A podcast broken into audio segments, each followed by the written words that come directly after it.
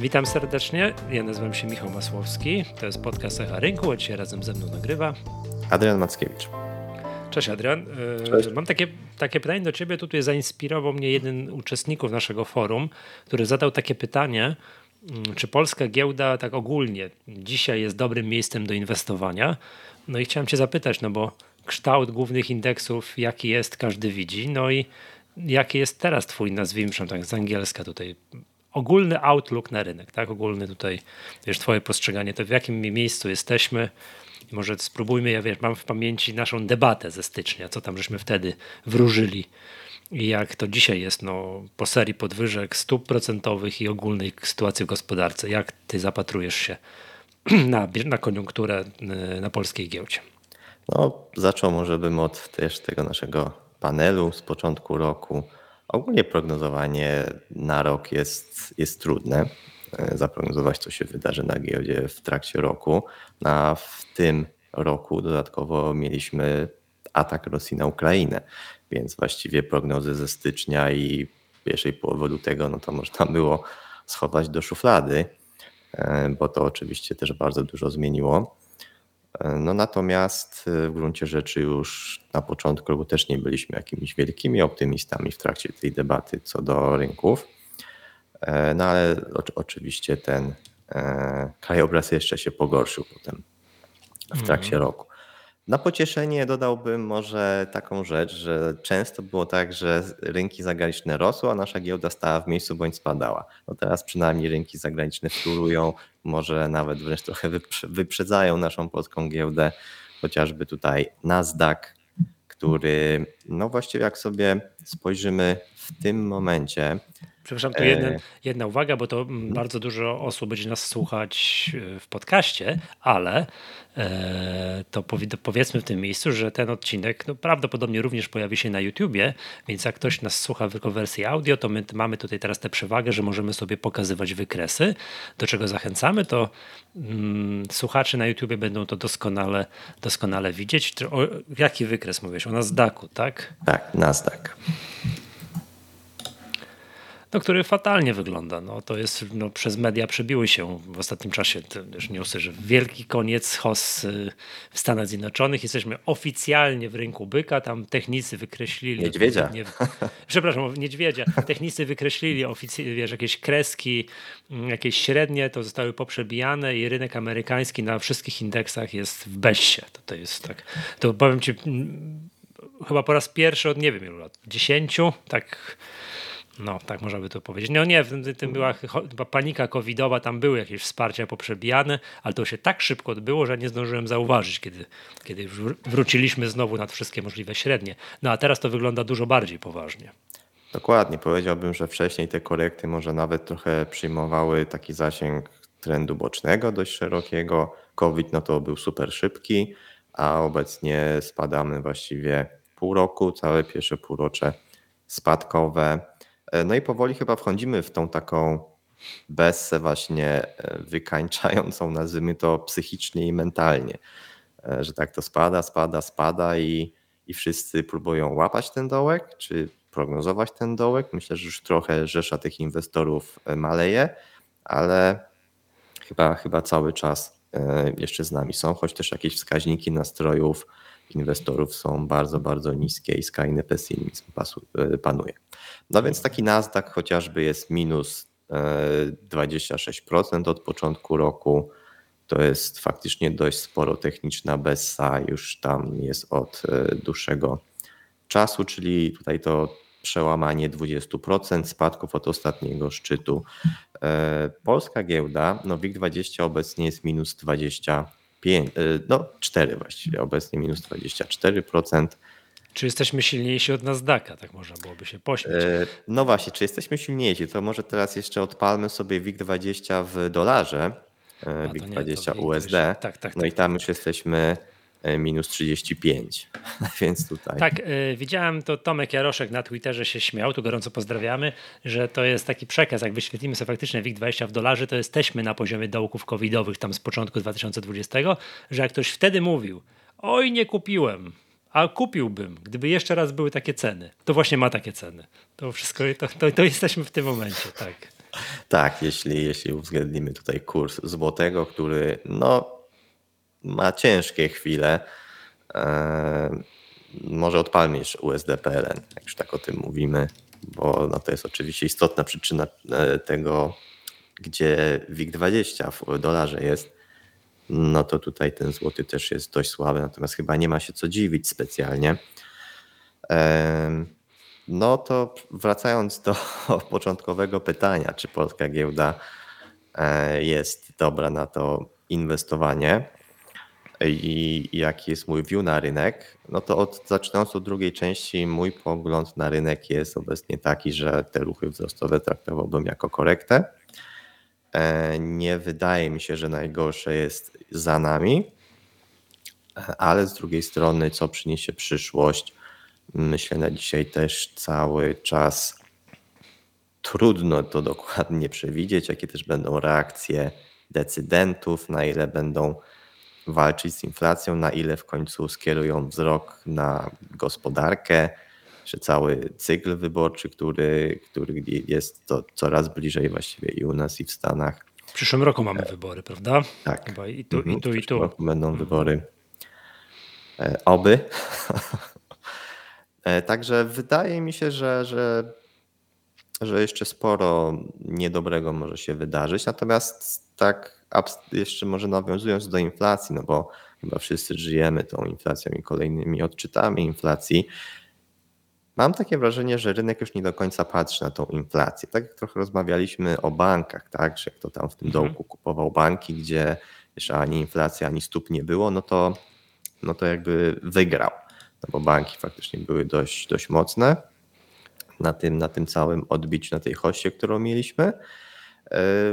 No i to do czego bym tutaj dążył? Do tego, że rynek wycenia przyszłość, tak? No i te banki też wyceniał z odpowiednim wyprzedzeniem, gdzie no nikt za bardzo raczej jeszcze na te banki chyba nie stawiał, czy przynajmniej może w mediach za dużo się o tym nie mówiło, no bo rynek stawiał, tak? No to myślę, inflacja też już została rozegrana, rozegrana dość, dość dawno. No i pytanie, na co teraz patrzy rynek, to, to jest oczywiście jak zwykle pytanie za 100 punktów. Natomiast wydaje mi się, że dzisiaj się cały czas zastanawiamy, jak, jak, jaką formę przybierze spowolnienie, które jest, no właściwie już się zaczyna trochę, ale chyba też jeszcze jest przed nami. No i ja bym tutaj zadał takie pytanie, czy w końcu nie wejdziemy właśnie w tą długą, męczącą bessę, e, bo po pierwsze nie mieliśmy jej, znaczy na, na polskiej giełdzie to może ją mieliśmy, ale na przykład amerykańscy, amerykańscy inwestorzy to zupełnie nie są do czegoś takiego przyzwyczajeni.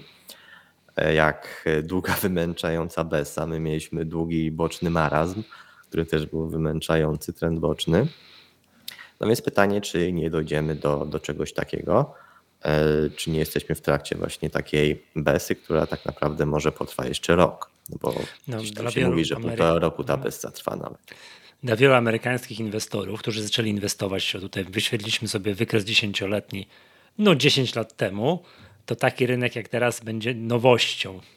Że może no. giełdy jakoś długo spadać, tak? Mogą długo spadać, bo wykres dwudziestoletni, no ci, którzy inwestują trochę dłużej, to będą pamiętali ze Stanów no bez z lat 2008-2009, tak? Czyli tak. ten kryzys subprime zapoczątkowany historycznym bankructwem banku Lehman Brothers, ale no to tam oni to boleśnie przeszli, my troszeczkę, my troszeczkę mniej, ale ktoś jak od tamtej pory inwestuje, to miał wieczną hossę. Mała przerwa na panikę covidową, tak, ale od tamtej pory to było super. No i teraz nagle ostatnie kilka miesięcy, no to to oczywiście jest, to jest oczywiście katastrofa dla tych inwestorów. To zaraz już, już mówi się, że jest wielki, wiesz, koniec wielkiej hossy na fangach, tak, że tych wszystkich z tych amerykańskich technologicznych gigantach, patrz Netflix, tak, jak wygląda kurs Netflixa, no to jako przykład najlepszy z możliwych, tak, co się może stać. to się może stać e, z, z, taką spółką technologiczną trochę za bardzo napompowaną, może tutaj sobie tak powiedzmy. Tak, wracając tutaj do polskiej giełdy amerykańskiej tak samo. Mm, no mamy, jesteśmy w Polsce tak po serii, nie wiem już ilu podwyżek stóp procentowych. 10. Chyba tak. Gdzieś to dziesiąte była podwyżka stóp procentowych, teraz o matko. No wczoraj kolejne plus 50 punktów bazowych, no co ewidentnie no, no walczymy z tą inflacją. Mamy bardzo wysoką inflację, tak nawet wiesz, na, w przekroju Europy, tak? No Węgrzy chyba dzisiaj czy wczoraj podali jakieś odczyty 11. Nie brzmi dobrze, ale to cóż to jest? Chcielibyśmy mieć teraz 11% inflację w porównaniu z naszą 15%. Hmm. Niestety najskuteczniejszą metodą walki z inflacją jest spowolnienie gospodarcze. No inflacja wymknęła się poza uh, poza jakieś akceptowalne jednoprocentowe poziomy, takie wiesz, że, to jest pojedyncze procenty, jesteśmy na, dwu, już tutaj na dwóch cyfrach.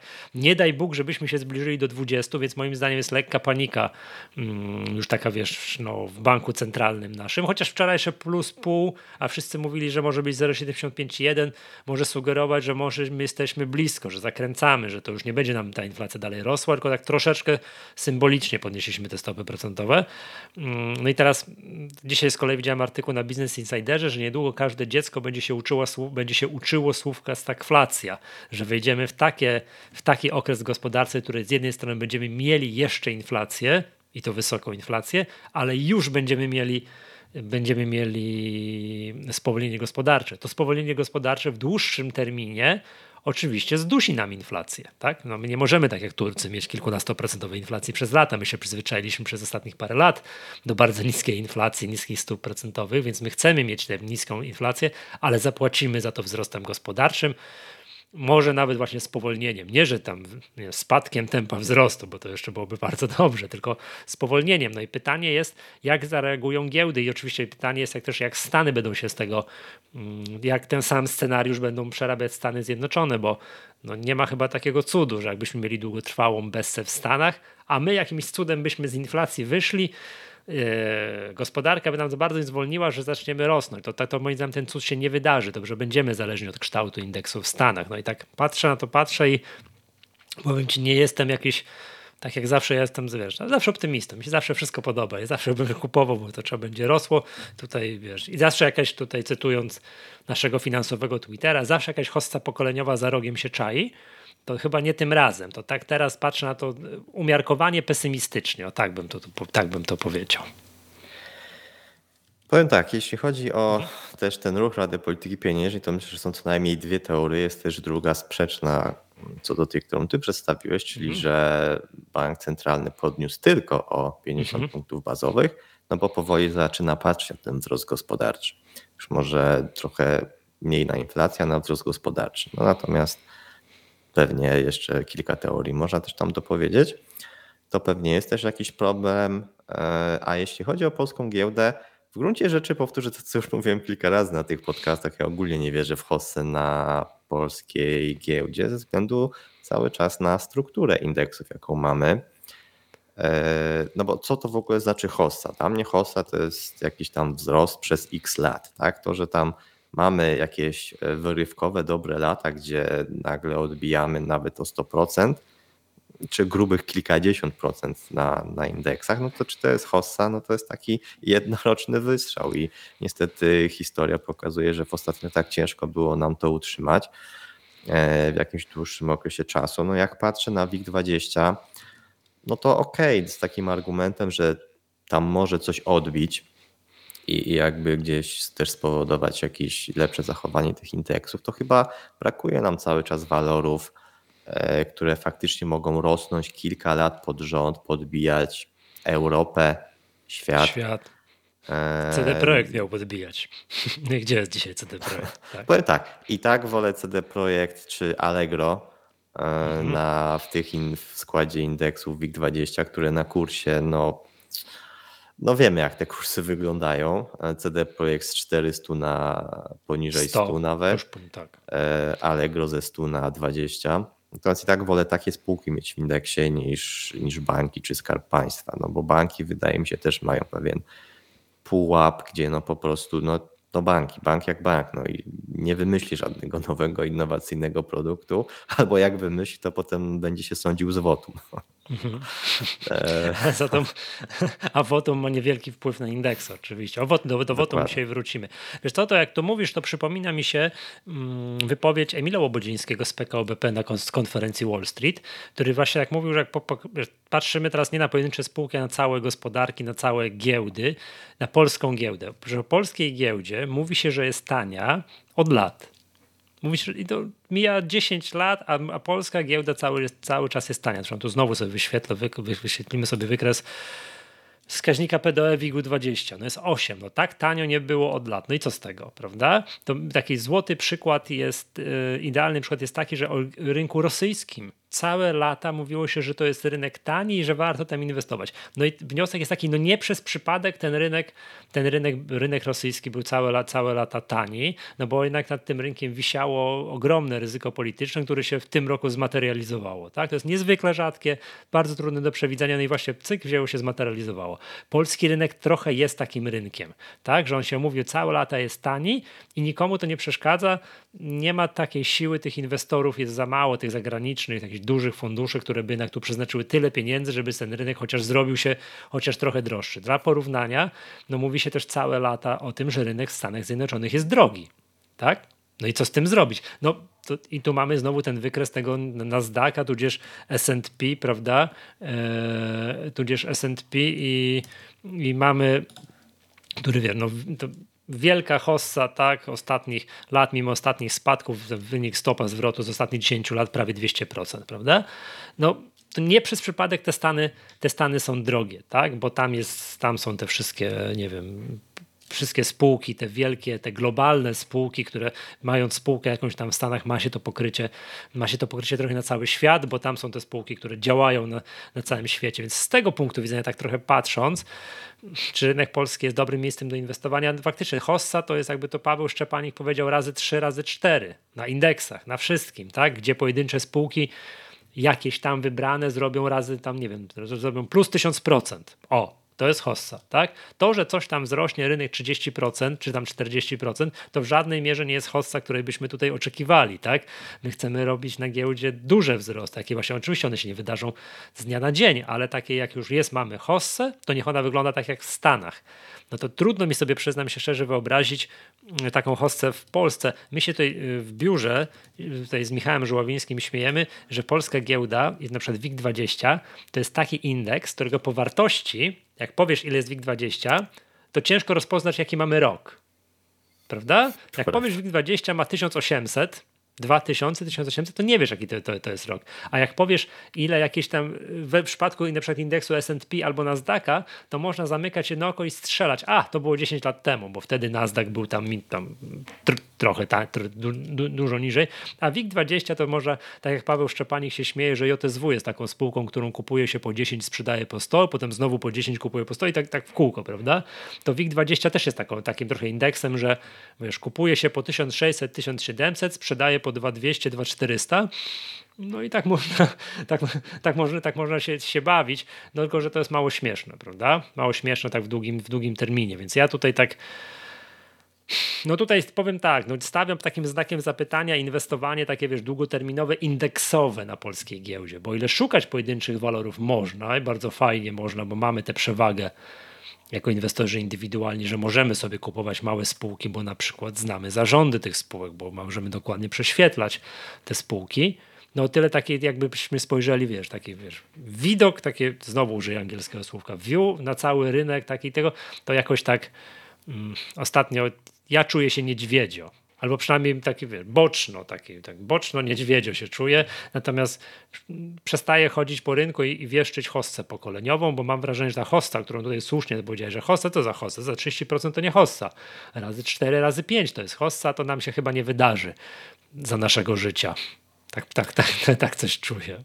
Tu akurat bym się z Tobą w 100% zgodził, Michał, i też chciałem do takiego wniosku dojść, no bo zaczęliśmy od pytania, jak inwestować w naszej polskiej giełdzie, to ma sens. E, no to ja też e, widziałbym tu raczej ten tak zwany stock picking, wybieranie jakichś spółek. E, I wydaje mi się, że tu akurat duża przewaga może być po stronie inwestorów, szczególnie indywidualnych, ponieważ po pierwsze nie jesteśmy, mm, czy może nasze zaplecze analityczne, rynkowe nie jest jakieś bardzo duże i wiele spółek jest słabo pokrywanych analitycznie albo w ogóle, więc tu na pewno możemy szukać jakichś też swoich przewyk jako indywidualni. No i w tych małych spółkach e, też, też właśnie możemy, możemy szukać jakichś okazji, próbować swoich sił, no a małe spółki, choć wiążą się też z większym ryzykiem na pewno i jakimś jednym z mankamentów może być chociażby też płynność, no to jednak mogą one zaoferować wysokie stopy zwrotu, no i też być fajnymi długoterminowymi inwestycjami, czy to dywidendowymi, czy, czy po prostu spółki, które fajnie mają ciekawy biznes, perspektywiczny, teraz jeszcze z jakąś ekspansją zagraniczną. Niektóre biznesy e, bardzo łatwo mogą to robić, tak? Te typowe SASy, gdzie po prostu z komputera sprzedajesz oprogramowanie na cały świat i właściwie nie ma tu specjalnych barier. Więc myślę, że pod takim kątem e, no, nie wiem jak to określić, nasz rynek może być bardzo nieefektywny i te spółki mogą być niedostrzegane, nisko wyceniane względem peersów. Na takie rzeczy chyba trzeba uważać. E, I ogólnie porównywanie, jak czy często to słychać, że no, gdyby tam nasza firma była notowana na znaku, to by miała kapitalizację w miliardach. o, słyszałem wielokrotnie takie rzeczy. Albo odpo nasz tak. odpowiednik w Stanach nie ma PDOE 10, tylko ma PDOE 100 i jest tam tak. No ja myślę, że oczywiście wielokrotnie słyszałem narzekania od prezesów tak. polskich spółek yy, na to, że właśnie w Stanach takie biznesy to są razy ileś tam. I, i to i, wyceniane razy 5 i zmienia się jeszcze końcówka. Nie w PLN, tylko w USD. Tak? To taka tak. no, tak. Na to bym bardzo uczulał, żeby no, nie, raczej nie słuchać tego typu komentarzy. I myślę, że są też jakieś argumenty, czemu jest tak, a nie inaczej. No to patrz e, wcześniejszy fragment, że polska giełda jest tania i nie przez przypadek całe lata jest tania, tak? No to, jeszcze... to też, no już abstrahując od corporate governance wielu spółek, jakie tam czasem rzeczy się dzieją, chociażby na poziomie jakiejś emisji akcji, czy, czy różnego innego mm, typu rzeczy, co też na pewno w jakiś sposób w, w przypadku wielu spółek trzeba, trzeba brać na, pod uwagę i to na pewno powinien być jakiś istotny argument, no, czy zainwestować, czy nie. Mhm. No tak, ponarzekaliśmy. Czyli stock picking. Tak, Doszliśmy stock do wniosku, picking, że na polskiej tak. giełdzie najlepsze jest to, co jest najtrudniejsze. Tak, no niestety tak, ale to właśnie też chciałem to, to bardzo dobrze powiedzieć, bo to jest trudne, bo o ile przekonuje się nas i chyba jest to prawda, że takie inwestowanie indeksowe, globalne, z ekspozycją na cały świat przez ETF-y jest łatwe, bo wybierasz jakiegoś ETF-a, nie wiem, na cały, na cały świat. Łatwe ca... było przez ostatnie 10 lat, Michał. Pytanie, czy będzie tak dalej. No ale wiesz, nie mamy, mamy stu kilkudziesięciu, mamy do dyspozycji tylko stu kilkudziesięcioletnią historię, no i pytanie, wiesz, czy, czy jej zaufać, czy nie, nic innego nie mamy, tak? Prognozowanie jest trudne, szczególnie jak dotyczy przyszłości. Mm, ale przynajmniej jest, co do realizacji jest łatwe, tak? No bo mamy w dzisiejszych czasach ETF-y, możemy sobie kupić na cały świat jakieś ETF-y. Nie zgodzę się z tym. Na Stany. Wiesz, czemu się nie zgodzę? No. Bo na takim Nasdaqu mamy minus 30. I jak się zachowują inwestorzy, którzy kupowali, czy tam, czy, czy dalej akumułują, trzymają się tej strategii po spadku o 30? No, A jak spadnie tak. jeszcze o 20, to co zrobią? No muszą Więc znowu dlatego bym powiedział, że. Znowu tych no ja... muszą nakupić więcej. Ja, słuchaj, Michał, jeśli, jeśli chodzi o teorię, to tak, tak samo łatwa jest, znaczy może nie tak samo, ale teoria w tym stock pickingu też nie jest taka aż tak trudna. No nie? Kupić spółkę, która ma super produkt, która zwiększa przychody, zyski, marże. Tak? Ale nie, oczywiście, Adam, tak. masz rację. E, oczywiście, to się bardzo łatwo mówi. Kupuj ten rynek amerykański przez najbliższych 20 lat, regularnie małą rzeczką ETF i, i raczej zarobisz. E, to jest jakby to realizacja, znaczy koncepcyjnie to właśnie już przedstawiłem to bardzo proste, a realizacyjnie, jak kupujesz tak i właśnie masz od początku roku minus 20 kilka czy minus 30, no to dobrze wiemy, że psychologia inwestora potrafi działać cuda i to nie jest już wówczas takie proste. Tak, i tak ja tutaj nie chcę w żaden sposób porównywać, że jedno jest tak samo proste jak drugie. Oczywiście, że stock picking jest trudniejszy nawet w teorii, o, ale tak. no, ta teoria też nie jest aż taka trudna, jakby się mogło wydawać, też można ją bardzo uprościć. E, no natomiast moim zdaniem i tu i tu ta psychologia czy, czy no możemy kupić dobrą spółkę, ale na przykład kupić ją za drogo, albo kupić dobrą spółkę, która staje się jeszcze tańsza, no i też pytanie, czy wytrzymamy, tak? Czy tam no, dobrze no, dywersyfikujemy tak, tak. ten portfel i tak dalej, i tak dalej, więc... To patrz, polska giełda e... może kupić spółkę, która jest bardzo tania i ona będzie tania przez kolejne 10 lat. To też tak, tak a, zarząd, a zarząd mówi, że w Stanach byłaby wyceniana razy tak. 100. Tak, i tak sobie siedzimy, patrzymy, lata mijają, patrzymy się na to, nie? No to słuchaj, no witamy na e, rynku kapitałowym, prawda? Dobrze, ja słuchaj, chciałem jedną rzecz no. od, powiedzieć, jak już chyba powoli będziemy kończyć ten temat, ja myślę, że to jest też bardzo ciekawa obserwacja, że my jesteśmy wręcz podręcznikowym emerging markets, czyli po pierwsze mhm. surowcowy, e, hossa surowcowa, hossę surowcową często widać na naszym parkiecie, po drugie bardzo duży udział banków, nie ma hossy bez e, banków, tak? Przypomnijmy. Tak, to, to... nie ma hossy bez banków. No, raz były zalążki, ale, ale potem banki też dołączyły i swoje tam dołożyły. No i trzecia sprawa, no to bardzo dużo upolitycznienie. Mhm. E, I teraz no, między innymi też mamy, mamy z tym do czynienia od kilku lat. To wręcz przybrało na sile. E, I czwarta rzecz to już może nie tyle emerging markets, ale to też na to zwrócić uwagę, no nasze położenie geograficzne też nie sprzyja. Już abstrahując od wojny, która teraz się dzieje, no to, to oczywiście jest takim jeszcze bardziej negatywnym tu argumentem, e, przemawiającym za tym, żeby nie inwestować na naszym polskim rynku, pewnie dla jakichś inwestorów zagranicznych. Natomiast nawet jak tej wojny nie było, no to cały czas e, byliśmy traktowani jako ta Europa Wschodnia, czyli właśnie Rosja, Ukraina, takie tereny podwyższonego ryzyka. No, zwracam uwagę, że jak był krach 24 lutego, jak się wojna zaczęła, to im dalej na zachód, im dalej od granicy, granic tutaj rosyjsko-ukraińskich, tym ten krach był coraz mniejszy, a w Stanach, które się otworzyły po południu, to tam prawie nikt nie zauważył. To trochę tak było. Trochę, trochę tak było, tak? No to, to masz rację, ryzyko geopolityczne w przypadku Polski jest zauważalne i to nie jest przez przypadek. Tak? Gdzieś tam dla inwestora z oceanu to my leżymy za blisko tej granicy, gdzie się aktualnie toczy wojna. To, to nie, ulega, nie ulega wątpliwości.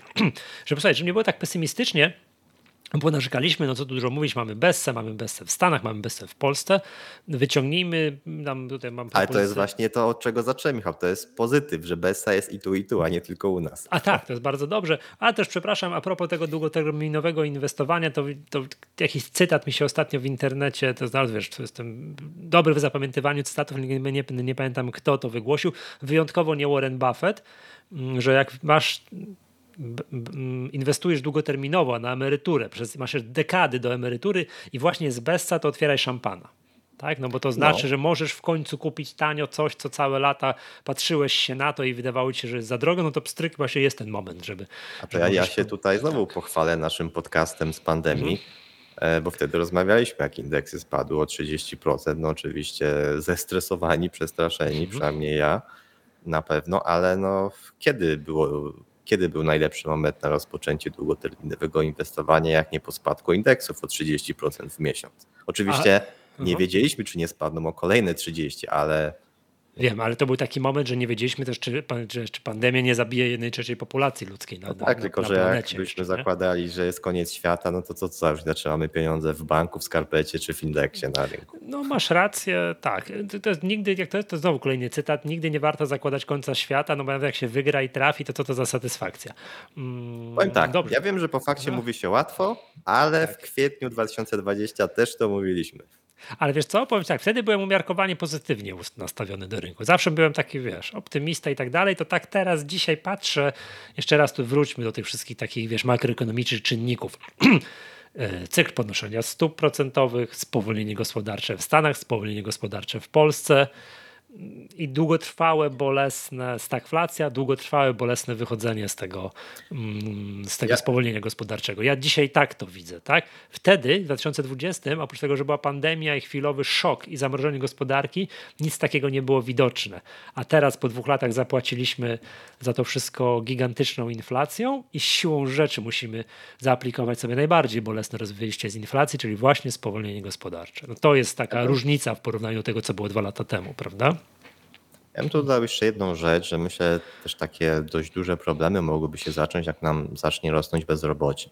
Tak, Ostatnio no, już tak. mamy jakieś odczyty rekordowo niskiego bezrobocia. Natomiast jak na te wszystkie problemy jeszcze nałożą, nałoży się wzrost bezrobocia, no to wtedy naprawdę myślę mogą być e, problemy jeszcze większe, jakieś protesty społeczne, z którymi właściwie już teraz mamy do czynienia, jeśli chodzi o niektóre grupy zawodowe. E, Także tu bym jeszcze na pewno patrzył.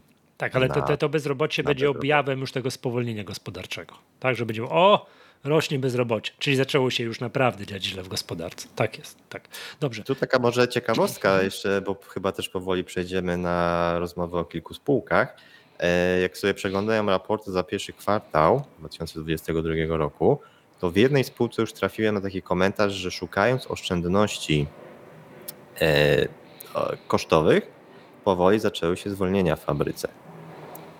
No Także w niektórych branżach już się to dzieje i to była spółka KGL, która zajmuje się między innymi produkcją e, tacek do, do, do jedzenia do branży spożywczej. Coś kupujemy w sklepie pakowane, to często jest na teckach, więc ona zajmuje się między innymi produkcją takich, takich tacek.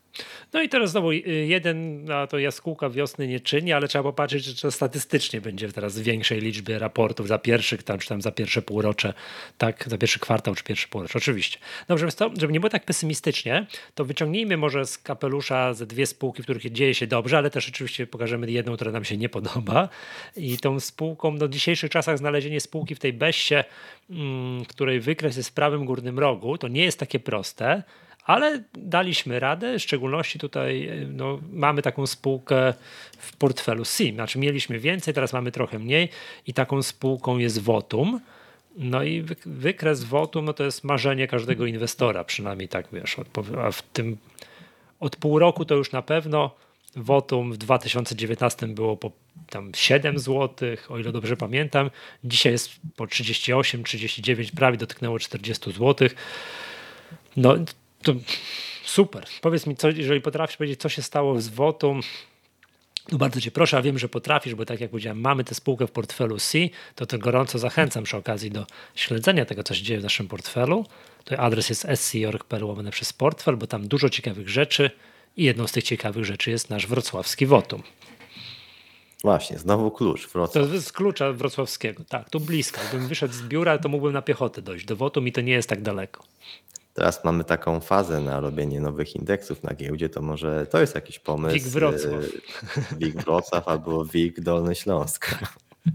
Mhm. No, Votum tak naprawdę też o tyle ciekawa spółka, bo jedna z tych naszych e, prognoz czy oczekiwań z początku roku, tego panelu, o którym wspominaliśmy, tam e, na Votum zwracałem uwagę, jako jeden z moich typów na 22 rok. No i tu tak naprawdę scenariusz prosty. Spółka kilka lat inwestowała w sprawy frankowe. Wyniki w poprzednich latach były co do zasady słabe. Pandemia ten korowy biznes trochę, podstawowy biznes trochę spowolniła. Roszczenie, roszczenia odszkodowań osobowych, wypadkowych, tak, no bo mniej jeździliśmy, było mniej wypadków, więc ten biznes troszeczkę gorzej sobie radził epizod z odnawialną energią, biznes sprzedany, więc no i dodatkowo koszty jednak, które trzeba było ponieść tu i teraz, żeby tych wszystkich klientów pozyskać, rozpocząć te sprawy sądowe. No i tak naprawdę już w czwartym kwartale 2021 roku ten proces, e, no spółka zaczęła odcinać kupon od tych wszystkich inwestycji. E, wyroki sądowe zaczęły zapadać. E, w większości są to wyroki na korzyść frankowiczów. E, no i już w czwartym kwartale spółka na, pokazała 8 milionów zysku netto. W pierwszym kwartale 2022 roku 16 milionów zysku netto.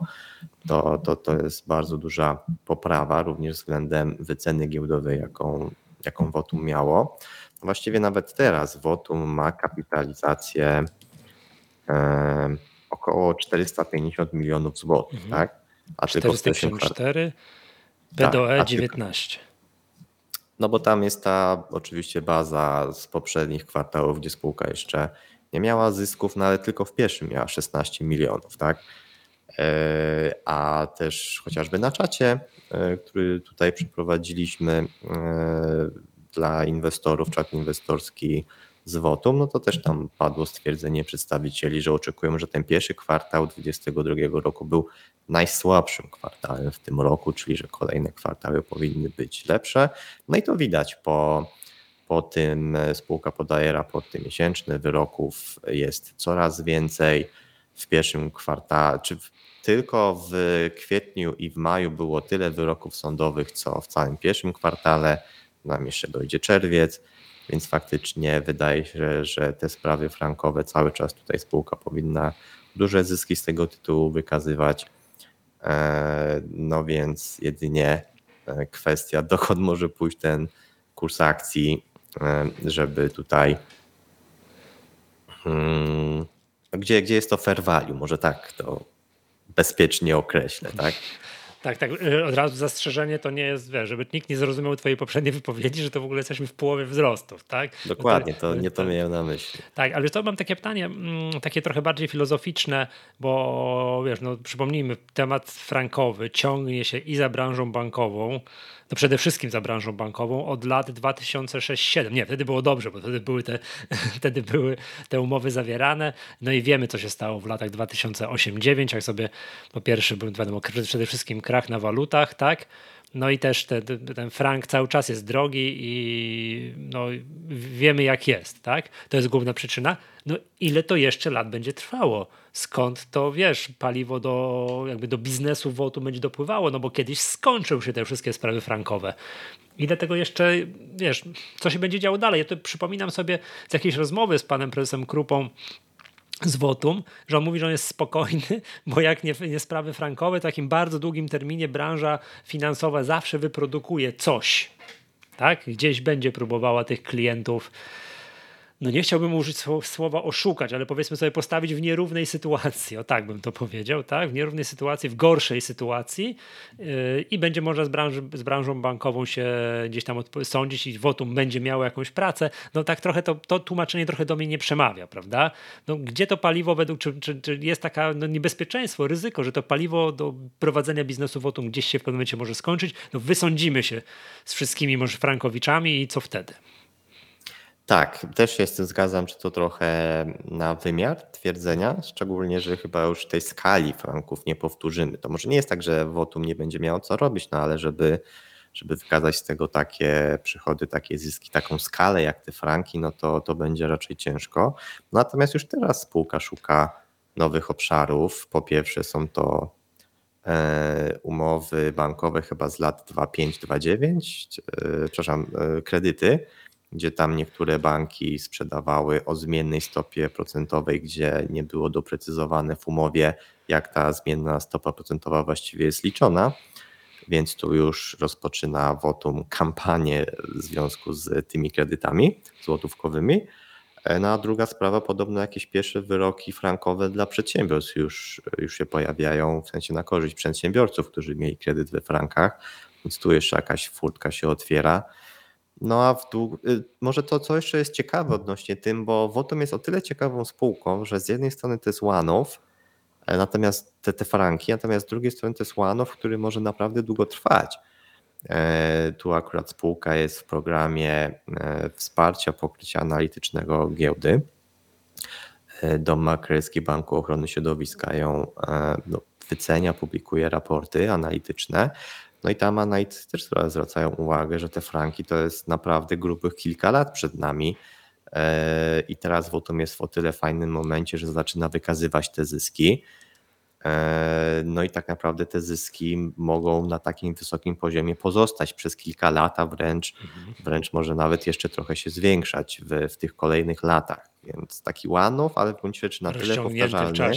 Tak. Mhm. tak, że spółka może z tego długo zyski wykazywać, no i z tego co mówią przedstawiciele e, firmy, no to tymi zyskami też będzie chciała się dzielić z akcjonariuszami spółka, więc to mhm. też o tyle myślę ciekawe, że to nie będą też takie typowo, czy chciałem powiedzieć papierowe zyski, ale bardziej chodzi mi po prostu o to, że to nie będą tylko zyski dla, dla firmy, ale faktycznie akcjonariusze też z tego mogą tą żywą gotówkę zobaczyć. Mhm. E, Wotum płaci dywidendę, w zeszłym roku 34 grosze i w tym roku już wiem, że uchwaliło dywidendę. Jakbyś mógłbyś przypomnieć, 40 ile groszy? Tak, wydaje mi się, że 41 groszy to było. Natomiast to jeszcze jest taka dywidenda, no do przegłosowania. Te prawdziwe dywidendy, tak? także tak. Nie, ona chyba akurat już jest przegłosowana. Chodzi mhm. mi o to, że te prawdziwe dywidendy, no to dopiero przed nami, no bo w Wotum gra się toczy o te sprawy frankowe, tak? Już teraz wspominałem te, te zyski właściwie we wcześniejszych kwartałach, no to wręcz nawet niektóre kończyły się stratami, a tu czwarty kwartał 8 milionów, pierwszy kwartał 16 e, zysku netto. Więc no te dywidendy dopiero pewnie przed nami. Natomiast to na pewno też warto wziąć uwagę, że no Votum to też taki biznes, że te no, przepływy pieniężne tam też mogą trochę inaczej wyglądać. Może niekoniecznie w momencie wykazywania tych zysków, ale ta sprawa musi się zakończyć w sądzie drugiej instancji, tak? Więc, więc tutaj na pewno na to też warto zwrócić uwagę, że ta dywidenda nawet nie, może nie tyle od zysków być zależna, co też od momentu, kiedy faktycznie to spółka będzie miała te pieniądze i będzie mogła je przeznaczyć na dywidendy. Okej, okay, czyli tutaj jakaś tam znowu szansa jest na wyższe dywidendy w przyszłości. Może tak byśmy to tutaj.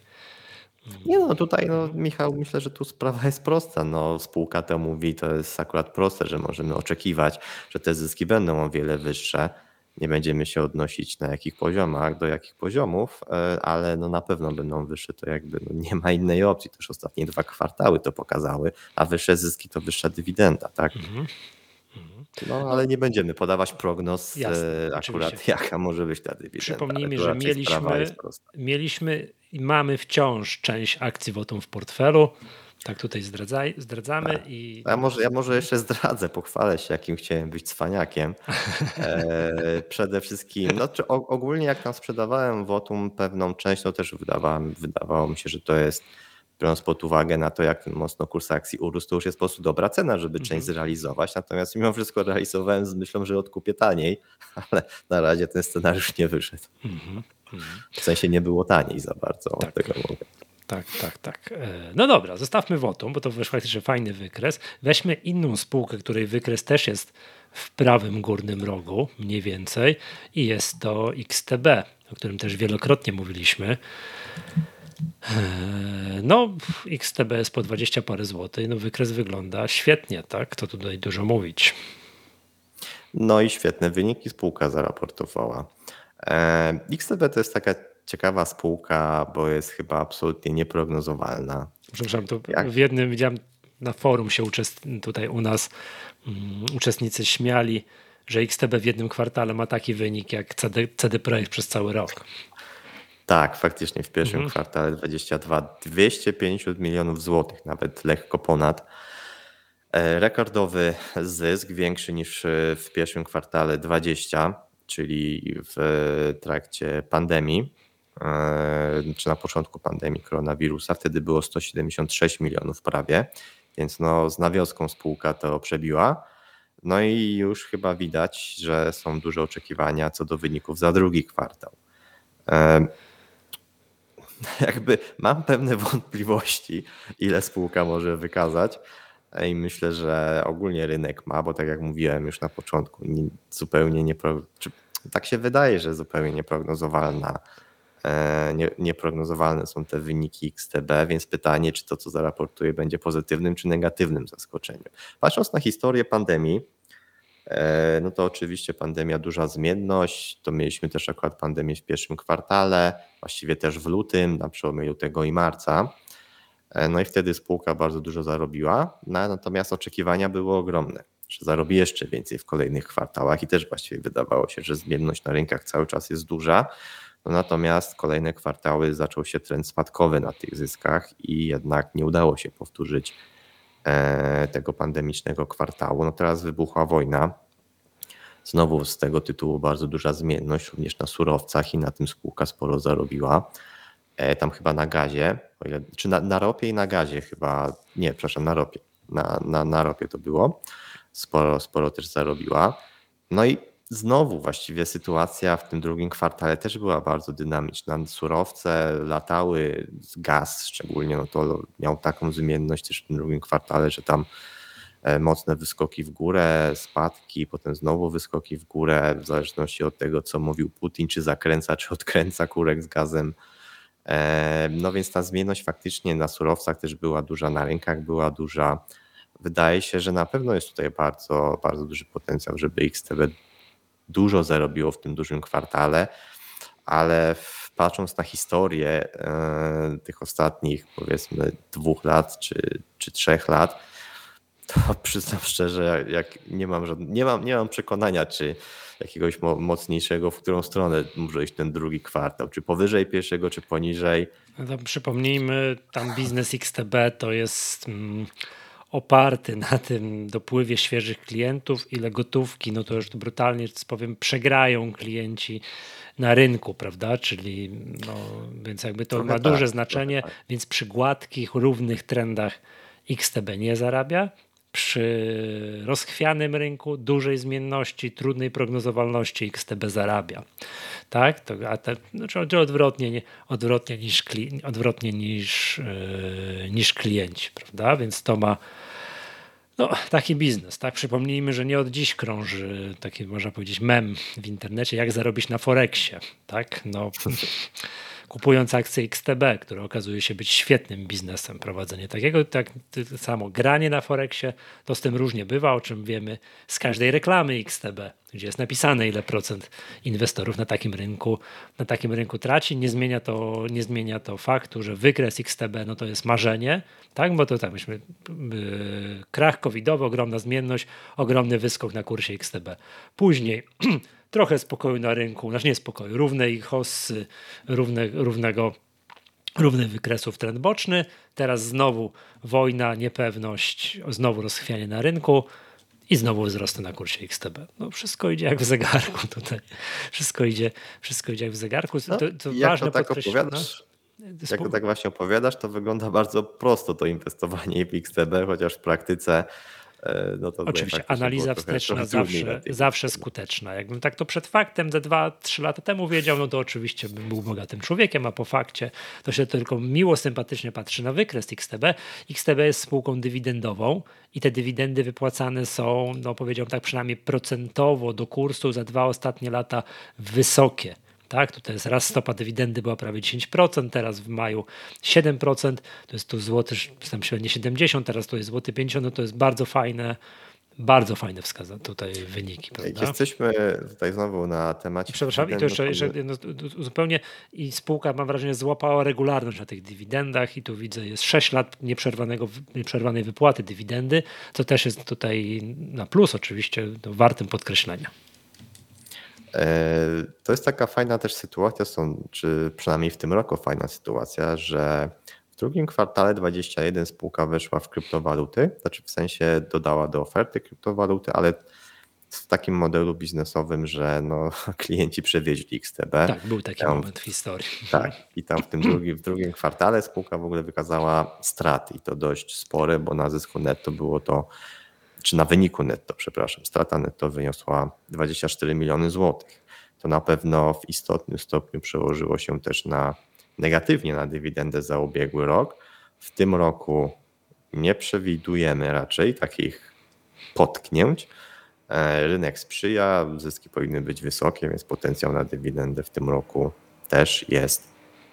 Znaczy w kolejnym. No, tam w 2023, za 2022, tak. o tym mówimy tutaj. Tak, tak. o tym mówimy, że mhm. zysku za ten rok bieżący, czyli faktycznie wypłata w 2023, no to powinno być jeszcze lepiej. Tak, tak, to nawet widać, ten, mamy tu wyświetlony, to widać ten ząbek na wykresie, to jest tutaj, tak, czyli ta połowa 2021, gdzie tak jak, tu mamy nawet wpis na taki na forum gdzieś było, że klienci ograli XTB na kryptowalutach. Tak. Mm, gdzie tam żeśmy opisaliśmy, no tutaj... jak dokładnie ten biznes wygląda, te w podziale na poszczególne segmenty i właśnie ci klienci, nazwijmy to kryptowalutowi, wyjątkowo odporni na, na spadki, na różne zmiany, no i to tak się właśnie skończyło dla XTB. Tam akurat była taka kwestia, że były bardzo mocne trendy wzrostowe na kryptowalutach wtedy i na tym XTB. Tak. Za mocno rosły te kryptowaluty. Tak, e, dobrze, no i to, to, ale podsumowując, no wykres XTB marzenie, prawy górny róg wykresu, super to wygląda, fajnie, miło się, miło się patrzy. I weźmy jeszcze na jeszcze, rzućmy okiem na jeszcze jedną spółkę, która ostatnio dość no, nie schodzi z ust inwestorów, ale to jest niestety to jest smutny widok, czyli Ten Square Games. No tak patrzę, wiesz, patrzę na ten nasz, wiesz, no jak tu inwestować, to znowu Paweł Szczepani, który właśnie narzeka, że na polskiej giełdzie nie można długoterminowo na emeryturę inwestować, no bo jak weźmiemy, no nie wiem, CD Projekt, jak wygląda długoterminowy wykres CD Projektu, ten Square Games, Playway, no Playway trochę mniej, Playway to jeszcze jakoś wygląda, tak, no ale ten Square Games no to katastrofalnie wygląda, plus tam jakieś informacje o jakichś bonusach wypłacanych dla zarządu, nie, bardzo nieprzyjazne, niepoformułowane programy motywacyjne, e, sygnały o kasowaniu kolejnych gier. Wyczerpanie się potencjału, jak się ta gra rybna nazywa? Czekaj, Fishing. Clash, fishing tak? tak. Pod znakiem zapytania jakieś kolejne gry, no i miał być kolejny kolejny super, wiesz, kolejny taki koń pociągowy polskiego gamingu, no i, no i właśnie gdzie ten koń, koń pociągowy jest, tak? Spółka była po 600 i jest po 100, prawda? E, no przede wszystkim to wyniki finansowe, to co spółka raportuje fundamentalnie, po prostu z każdym kwartałem, można powiedzieć, wygląda to coraz gorzej. Faktycznie flagowe gry złapały bardzo dużą zadyszkę. Fishing Clash, przychody gracze, przychody maleją, gracze odpływają, Hunting Clash. To jest moim zdaniem e, najważniejsza sprawa w przypadku Ten Square Games. Hunting Clash to jest ten drugi flagowiec, który e, spółka chwaliła się na prezentacjach, że ma porównywalny start do Fishing Clash. Jakieś parametry dał, pierwsze monetyzacje. E, bardzo, bardzo dobrze ten Hunting Clash rozpoczął, no ale się zaciął po kilku kwartałach bardzo fajnych wzrostów na przychodach. E, no tam już od, od półtora roku kwartalne przychody oscylują wokół 30 milionów złotych. Po pierwsze przestały rosnąć, a po drugie 30 milionów złotych to nie jest jakiś wygórowany pułap. Więc, więc, więc tutaj inwestorzy często mają taki argument, że Fishing Clash ma w pipeline kolejne gry. Tam e, w tym roku Trzy już chyba były w trakcie testów, już o jednej wspominałeś. Football Elite skasowany, bo nie spełnił oczekiwań monetyzacji. E, no i tam jeszcze w dalszej części roku też mają się pojawić kolejne early access. Natomiast patrząc na to, jak dobrze zaczął Hunting Clash, no i tak naprawdę niewiele z tego wyszło, a rynek jest jeszcze trudniejszy niż jak zaczynał Hunting Clash, E, I nawet spółka na, na to też zwraca uwagę, że jakby ta strona marketingowa, pozyskanie gracza jest po prostu drogie. Co znaczy, że rynek Zmiany... jest trudniejszy? Co, ludzie mniej no, chcą że grać, że trudniej pozyskuje. pozyskać, tak? Z czego to wynika? E, po pierwsze na pewno efekt pandemii, gdzie dużo graczy przybyło na rynek, mhm. e, I potem. Z nudów siedziało w domu, to grało, tak? tak. Mhm. Prawie że równie szybko z tego rynku wyszli, przestali grać. I druga sprawa jest taka, no gier jest coraz więcej. E, Apple zmienił politykę prywatności iOS-a i tam też jest trudniej teraz pozyskać tych graczy, albo jest to droższe, czyli właściwie i trudniej i droższe. Skoro na iOSie jest i trudniej i drożej, no to większe budżety są na Androidzie, więc jest większa konkurencja, więc jest drożej, gier jest coraz więcej. E, no więc po prostu no jest o wiele więcej wyzwań, żeby tego gracza pozyskać, utrzymać, żeby, żeby on tam jeszcze płacił. E, I, i, I to jest też jakiś też ogólny trend rynkowy, co, na co też na pewno warto zwrócić uwagę. Więc tutaj być może faktycznie też takie odwrócenie trendów na rynku mogłoby pomóc, ten Square Games, ale na razie raczej tego nie widać.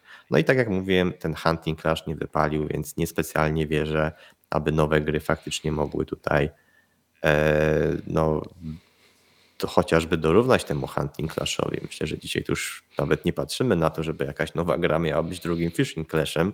Raczej jakby dowiozła wyniki Hunting Clasha, to już by było, było dobrze. No a czy tak będzie?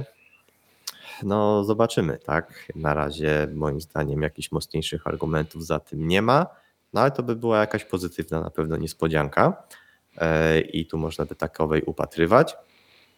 No a Druga sprawa, to tak już wspomniałeś, nie dość, że fundamentalnie wynikowo tam, tam jest po prostu słabo, e, no to spółka jeszcze albo gmiera przy programie motywacyjnym, albo próbuje jakoś go obejść i właśnie ostatnio informacje o tym, e, że nie zmieniła, przynajmniej na razie nie zmieniła programu motywacyjnego, ale Rada Nadzorcza tam uchwaliła dodatkowe premie dla zarządów w zależności od tego, jaka będzie EBITDA.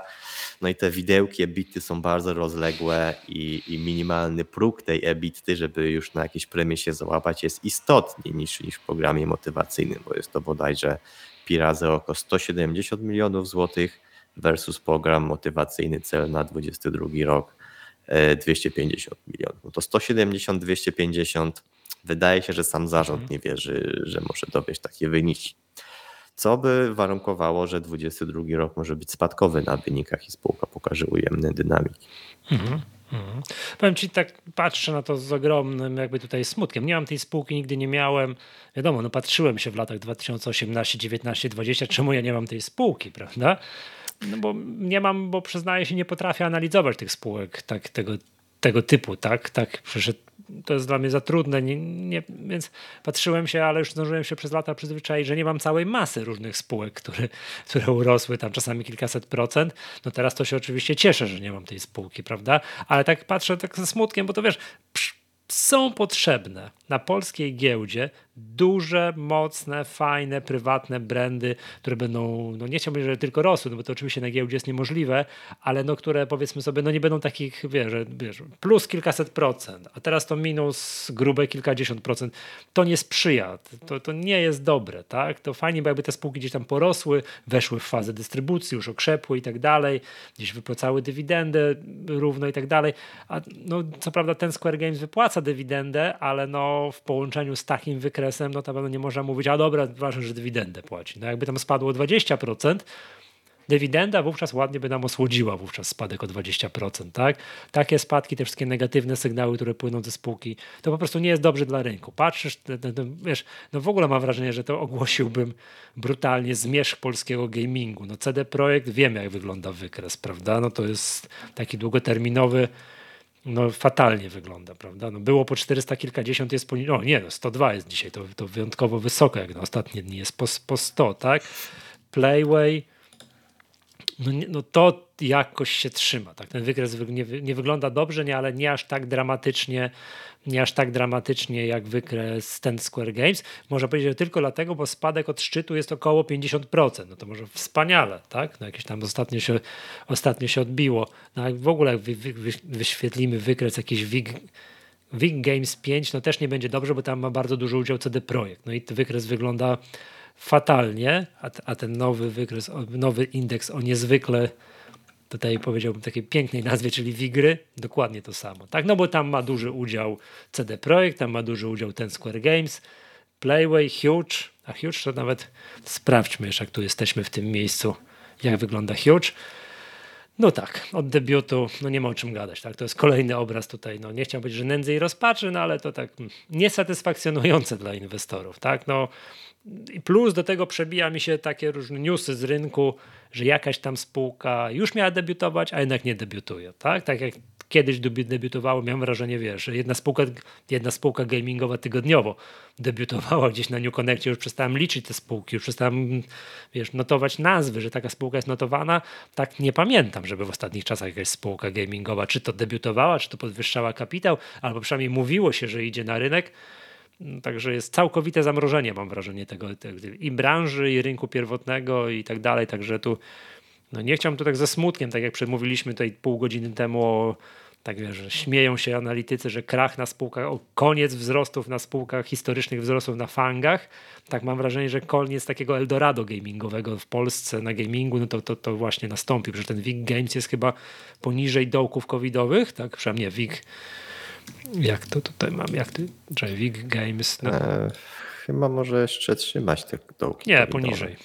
Poniżej dołków covidowych nie, jest. spadł. Tak, poniżej dołków covidowych jest. No, no to tak to właśnie wygląda. Smutno, powiem tak smutno. Mieliśmy być Eldorado, yy, spół, właśnie takie, wiesz, takie gamingowe chyba nie jesteśmy.